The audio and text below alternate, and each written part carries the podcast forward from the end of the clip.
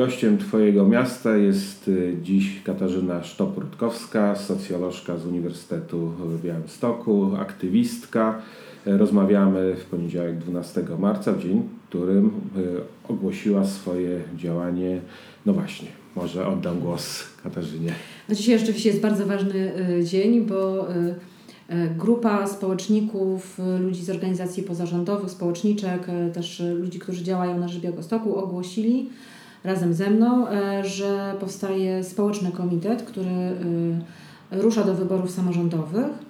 E, I rzeczywiście jest to bardzo ważne, bo takich komitetów w Białymstoku do tej pory było bardzo, bardzo mało. E, a takiego realnie komitetu społecznego moim zdaniem tak naprawdę nigdy nie było, więc e, mam wrażenie, że zaczynamy jakąś nową historię i nowy rozdział Białymstoku. Czy tę inicjatywę można wpisać do podobnych ruchów, jaki niedawno ogłosił się w Łodzi czy, czy, czy w Poznaniu, czyli tych wpisujących się w tradycje ruchów miejskich, czy to jest coś innego? Tak, tak, zdecydowanie tak. E, myślę, że nawet mamy wspólne korzenie, ponieważ wszystkie te grupy sięgają po 15 tez miejskich, czyli po taki manifest, który został stworzone przez Kongres Ruchów Miejskich i my też wychodzimy właśnie od tych tez, uważając, e, że miasto e, to są przede wszystkim ludzie, to są obszary zielone, e, to są inwestycje tak zwane miękkie, tak, a nie tylko infrastruktura drogowa i wielkie inwestycje. I rzeczywiście dla nas nawet to pojęcie ruchu miejskiego jest pojęciem bardzo dobrym, bo czujemy się takim ruchem miejskim i chcemy, żeby E, żeby w Białymstoku e, tego typu ludzi było coraz więcej. To pomóżmy słuchaczom wyobrazić sobie, kto tworzy tę inicjatywę, jakiego typu aktywizm, jakiego typu organizacje ludzie są, są z Wami. Oczywiście do ruchu wchodzimy jako e, jednostki, a nie jako organizacje, ale no każdy z nas się skądś wywodzi i od wielu lat pracuje na rzecz miasta, na przykład w jakichś organizacjach. E, myślę, że takim pierwszym ważnym środowiskiem to jest Instytut Działań Miejskich, który bezpośrednio jest związany z Kongresem Ruchów Miejskich. E, to jest na przykład e, grupa, organizacja Rowerowy Białystok, która dba o to, żeby infrastruktura rowerowa w Białymstoku powstawała i żeby to było miasto przyjazne dla rowerów i dla, dla rowerzystów i dla pieszych. To są też ludzie, którzy są związani z ośrodkami akademickimi, z uniwersytetem. Taką właśnie osobą chociażby jestem ja. E, ale też oczywiście z organizacjami pozarządowymi, czyli z Fundacją SocLab. E, to są też e, środowiska związane z mniejszościami, zwłaszcza z mniejszością prawosławną, białoruską. Też młode pokolenie, które tutaj w Białymstoku jest, widzi trochę inaczej być może niż starsze pokolenie związane z tymi mniejszościami. No i na przykład środowisko ekologiczne, czyli ludzi, którzy dbają o zieleń miejską, o to, żeby w Białymstoku nie wycinano drzew. Między innymi taka inicjatywa Ratujmy Zwierzyniec. Zwierzyniec to jest rezerwat przyrody w samym centrum Białegostoku, który niestety jest coraz częściej okrajany i coraz mniej tych drzew tam jest. E, mieszkańcy Białegostoku, to z różnych badań wynika nawet też takich porównawczych europejskich, których e, akurat Białystok jest jednym z chyba sześciu miast, które, które są porównywane. No, widać, że są zadowoleni z, ze swojego miasta, z, ze stanu właśnie między innymi terenów zielonych, ale generalnie z jakości życia. E, więc jakby co, co wy chcecie nagłośnić, co pokazać, no, żeby, żeby pozyskać zainteresowanie no właśnie tych zadowolonych mieszkańców? Przede wszystkim chcemy mówić trochę o priorytetach, o zmianie priorytetów, dlatego że rzeczywiście do tej pory bardzo wiele inwestowano w Białymstoku. Tak? Budowano drogi, te inwestycje dzięki też dofinansowaniu Unii Europejskiej są bardzo, bardzo widoczne. E, natomiast my mówimy o zmianie priorytetów, czyli e, o tym, że rzeczywiście musimy zainwestować też przede wszystkim e, w, w mieszkańców, w, w ich zdolności, w, w rynek pracy, no właśnie w te tereny zielone, które wbrew pozorom nie ma ich wcale tak dużo w Białymstoku, jak się e, ludziom wydaje. No to jest chociażby też walka ze smogiem, a, o którym coraz częściej w Białymstoku też mówimy i jesteśmy póki co e, w Białymstoku, w Białymstoku jeżeli chodzi o politykę miejską, absolutnie bezradni wobec tego problemu. Pamiętam, że jak 4 lata temu y, przygotowywałem materiał do, do portretów miast polskich, właśnie do portretu Białegostoku. Tam jedną ze spraw, która się pojawiła, no to była kwestia dziedzictwa materialnego w Białegostoku. Wtedy mówiło się o e, nawet celowym niszczeniu tkanki architektonicznej, tej drewnianej, prawda, na bojarach. I jak to wygląda w tej chwili? No niestety proceder cały czas trwa y, i no mam wrażenie, że za lat 10 to już naprawdę nie będzie nawet już y, co wspominać i będą tylko tabliczki, że tutaj kiedyś coś stało. Y, I rzeczywiście tak jest, że Białystok jest dla nas takim obszarem pewnego chaosu urbanistycznego. Tak? Tutaj dużą rolę grają firmy deweloperskie. Nie ma, jakby w duży obszar miasta nie jest objęty planami zagospodarowania przestrzennego, więc jest dosyć duża dowolność i myślę, że relatywnie dosyć łatwo e, otrzymać pozwolenie na wybudowanie wieżowca w miejscu, który do tej pory był e, związany z zabudową jednorodzinną i na przykład właśnie z tymi drewnianymi domami. No i mam wrażenie, że niestety no, za dużo się tutaj nie dba w Białymstoku o taką tkankę miejską, tą starą, która nam się kojarzy być może z jakąś nawet wiejskością, bo bardzo często to są właśnie stare drewniane domy.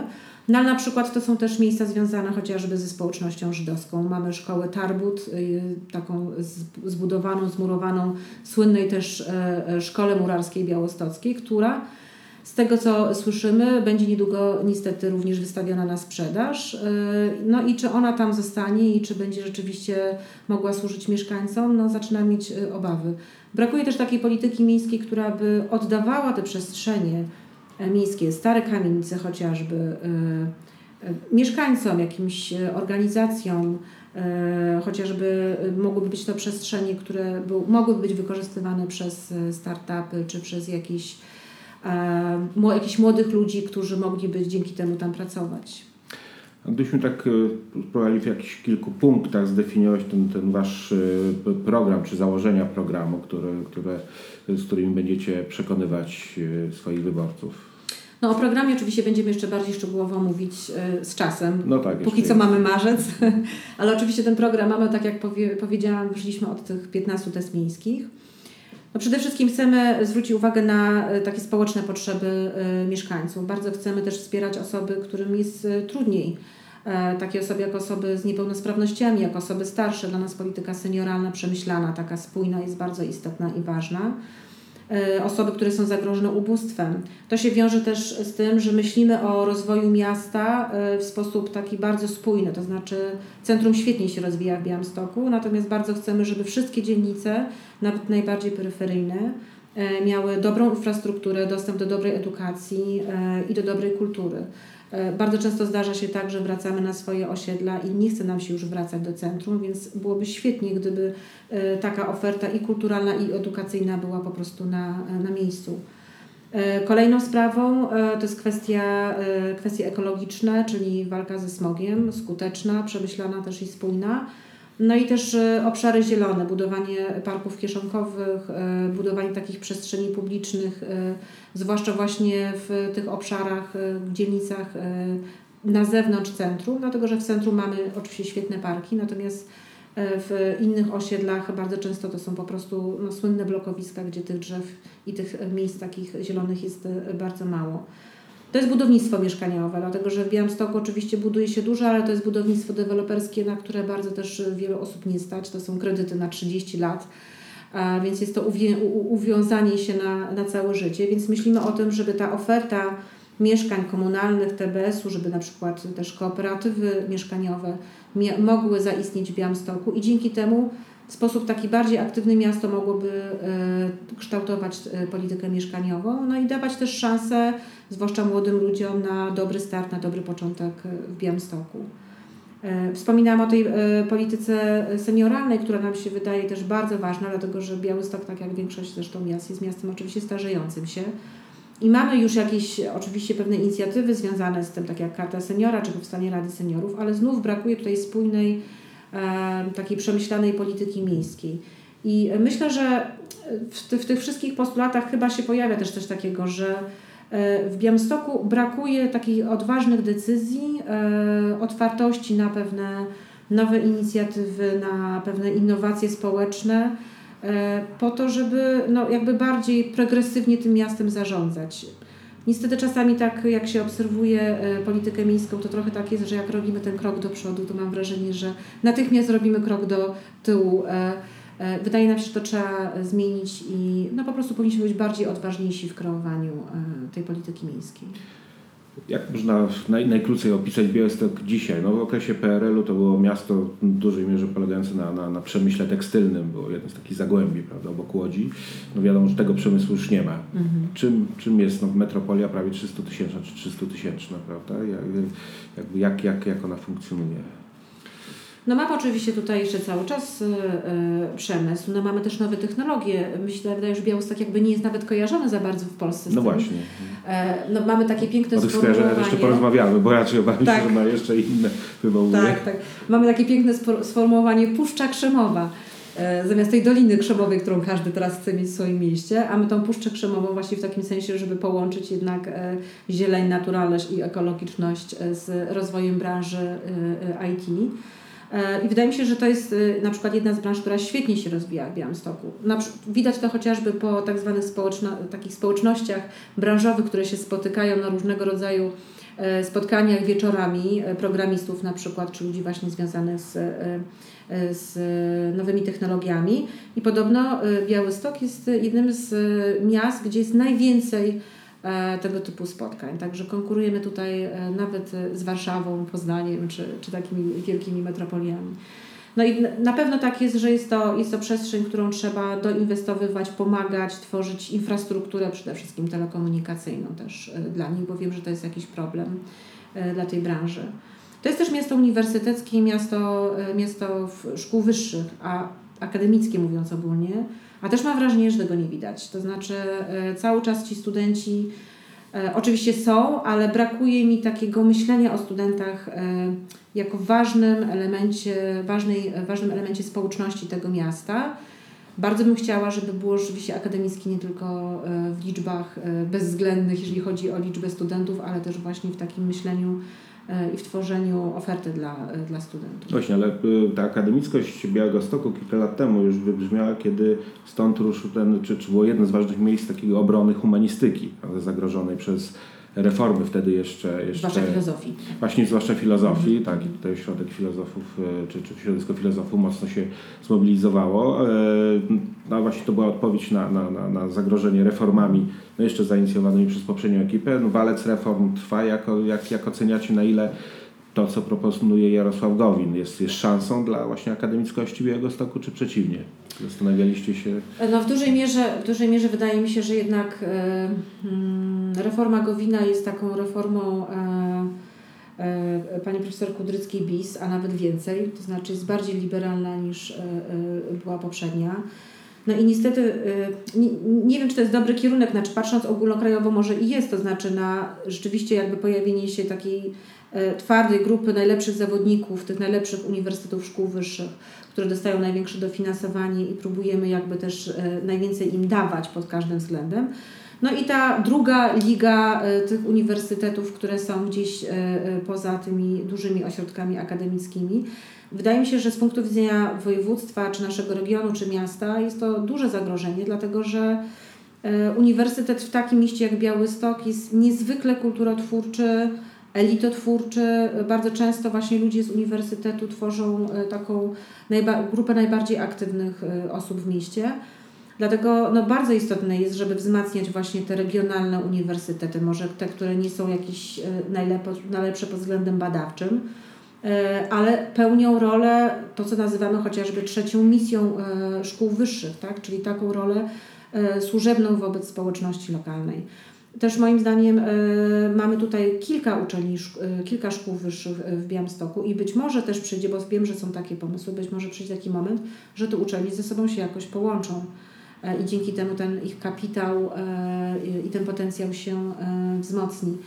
Z mojego punktu widzenia taki miejsce jak Uniwersytet w Białymstoku oprócz roli badawczej i dydaktycznej ma ogromną rolę właśnie tą trzecią misję uniwersytetu, taką, która e, chociażby, nie wiem, krzewi jakieś nowe idee, e, e, organizuje różnego rodzaju wydarzenia, robi diagnozy i wspiera społeczności lokalne. Współtworzy, powinno tak być przynajmniej, współtworzy polityki miejskie, tak, poprzez odpowiednio pogłębione diagnozy. No moim marzeniem jest to, żeby uniwersytet rzeczywiście jakby ten w Białymstoku położył bardzo silny nacisk na tą trzecią misję. No jest to, wydaje mi się, potencjał jeszcze nie do końca wykorzystany mówiliśmy o tym postrzeganiu Białegostoku, że nie jest postrzegany chociażby jako miejsce zaawansowanych technologii, że ma jakieś postrzeganie historyczne jako to miasto właśnie tak jak Łódź, związane z przemysłem tekstylnym, no ale też jeszcze jest ta ciemna twarz, które jest chyba najbardziej znane, czy to dzięki no, różnym ekscesom, jakie miały miejsce kilka lat temu, książce Marcina Kąckiego, czy no, ostatnim reportażu, czy, czy materiale w, w jednej z telewizji. Na ile to jest zasłużone, jak oceniasz, jako, jako, na ile to jest w ogóle problem z Waszego punktu widzenia, Waszej inicjatywy, mhm. by, by jakoś uwzględnić ten wizerunek, czy po prostu nie trzeba, bo go nie ma? E, na pewno trzeba uwzględnić ten wizerunek, tylko jakby moja koncepcja idzie w innym kierunku, że wizerunek oczywiście jest ważny i ważne jest to, jak nas e, postrzegają i jak tworzą media ten wizerunek, bo tak naprawdę tutaj chodzi o medialny wizerunek. Natomiast wydaje mi się, że zbyt mało jeszcze aktywnie e, miasto, w sensie władze lokalne, biorą odpowiedzialność za to, co się dzieje w mieście i nawet mam tutaj na myśli taką profilaktykę, to znaczy gdybyśmy rzeczywiście wprowadzili chociażby do szkół e, bardzo dobrze opracowany, systematyczny e, program dotyczący edukacji antydyskryminacyjnej albo chociażby edukacji regionalnej, tak, w której bardzo jakby silnie i w sposób taki zaakcentowany pokazujemy, że jesteśmy naprawdę i byliśmy wielokulturowi i jesteśmy wielokulturowi, że to nie jest tylko i wyłącznie piękna nazwa z folderu, E, to wtedy być może rzeczywiście y, ta łatka, czy nawet powiedziała ta gęba, bo to czasami naprawdę bardzo, bardzo mocno wybrzmiewa, e, byłaby mniejsza i też byśmy mogli się po prostu obronić pewnymi faktami. No mam taką nadzieję, ponieważ w tej chwili się kończy program dla tolerancji, który nie był dobrym programem, stworzonym ad hoc e, po tych wydarzeniach, po podpaleniach chociażby mieszkań w Białymstoku. E, nie był dobrze skonstruowany. My też taki społeczny monitoring e, swego czasu robiliśmy, gdzie pokazywaliśmy słabości tego programu. Kończy się ten program i mam nadzieję, że to jest ten czas, kiedy rzeczywiście można usiąść i można w sposób partycypacyjny, oddolny, z tymi zasobami ogromnymi, które są w Białymstoku, stworzyć e, bardzo szeroki i spójny program dla tolerancji, czy też program dialogu międzykulturowego. To słowo dialog zdecydowanie bardziej mi pasuje niż tolerancja. Ja nie lubię słowa tolerancja tutaj bardzo mi się podoba ten przykład wrocławski, który teraz jest wdrażany w życie, czyli e, ta e, strategia dialogu międzykulturowego. Jestem za tym, żeby walczyć z tym wizerunkiem w sposób taki oddolny i w sposób no, z taką, związany z taką pracą organiczną u podstaw, czyli po prostu róbmy swoje, róbmy tego dużo, róbmy w sposób przemyślany, róbmy tą profilaktykę, bo zagrożeni ruchami ekstremistycznymi neonazistowskimi jest oczywiście i nie, nie jest tylko w Białymstoku, ale w całej Polsce, e, ale powinniśmy to zrobić w sposób odważny, spójny, e, no a nie tylko od czasu do czasu przy jakiejś większej aferze, e, kiedy, nie wiem, wchodzimy na scenę i mówimy, że się nie zgadzamy, albo z kolei wychodzimy ze sceny i tak jak było rok temu, kiedy pan prezydent nie, nie zechciał uczestniczyć w obchodach związanych z wybuchem Powstania Warszawskiego. To są ważne symbole i ważne jakby działania symboliczne, ale jestem zdecydowanie za tym, żeby to była taka praca y, systemowa i codzienna. Przede wszystkim w szkołach też, bo wydaje mi się, że tutaj kwestia edukacji młodzieży jest kluczowa. Jak wygląda sytuacja z imigrantami? Czy to jest, Białystok jest miastem, w którym zatrzymuje się dużo przybyszy z zagranicy, tak jak nie wiem, Wrocław, prawda, który stał się takim chyba naj, naj, naj, tam pro, pro, pro, proporcjonalnie do liczby mieszkańców najwięcej Ukraińców się mhm. osiedliło. Jak, jak wygląda sytuacja z no z tego co wiem, w liczbach nie jest to dużo osób, tak? Natomiast rzeczywiście my jesteśmy takim e, miastem e, pod względem e, chociażby handlowym, kluczowym, tak? Dla, dla naszych sąsiadów z Białorusi. I rzeczywiście białoruski słyszeć nawet można po prostu gdzieś w galeriach handlowych czy w sklepach. I z tego co wiem, też jest to jeden z takich największych wpływów nawet gospodarczych tak? w, na obszar, w obszarze handlu. Natomiast no, wydaje mi się, że trochę jest taka obawa ze strony osób z, spoza granicy Polski, no bo właśnie Białystok jest niezbyt dobrze kojarzony.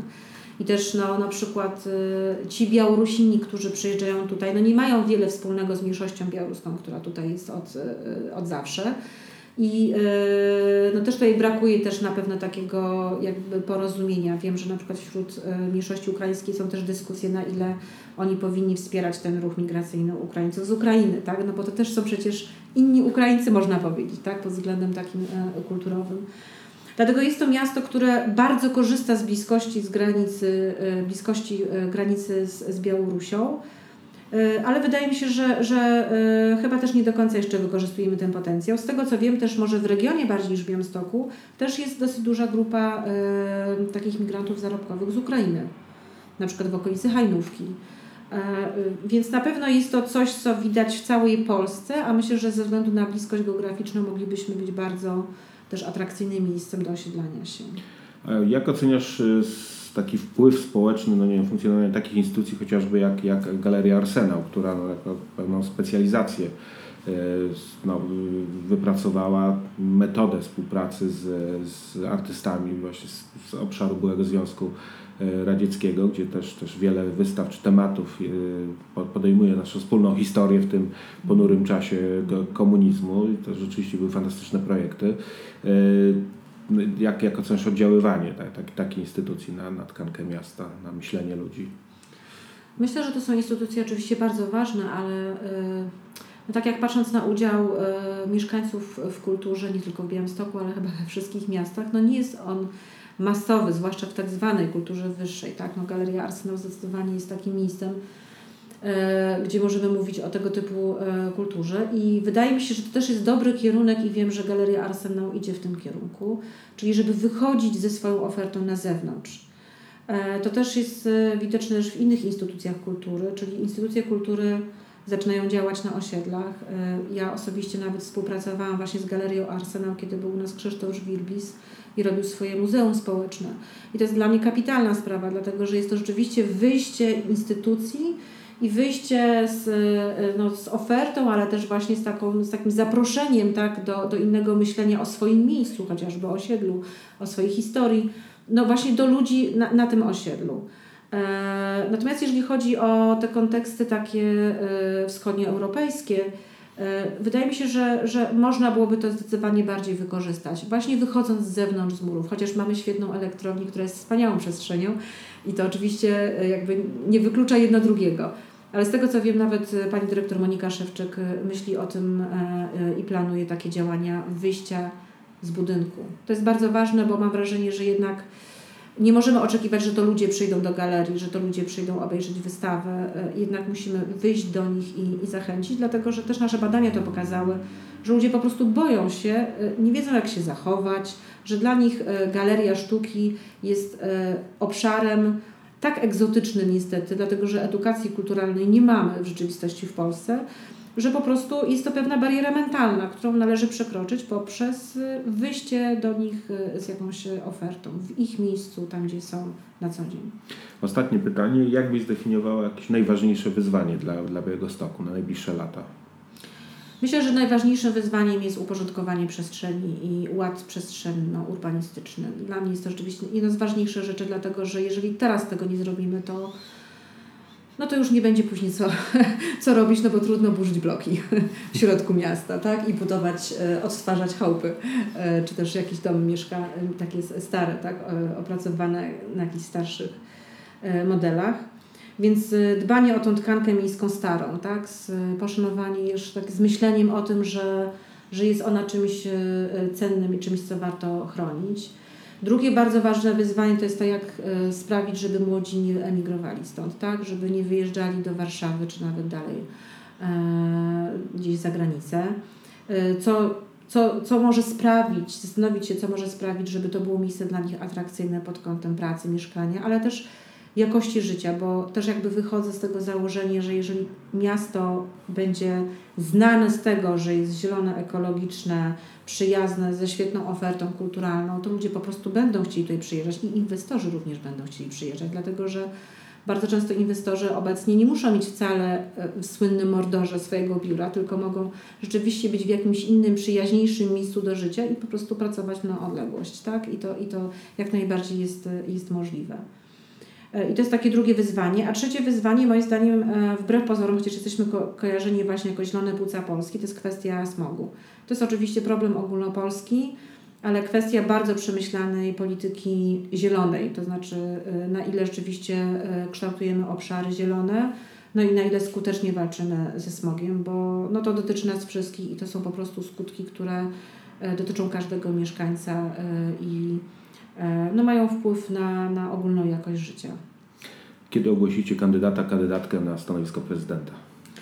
E, stanie się to już niedługo. E, mamy taką osobę już. Myślę, że to będzie też z jednej strony duża niespodzianka, ale na pewno będzie to też moment historyczny, ale chyba nie mogę jeszcze powiedzieć dlaczego.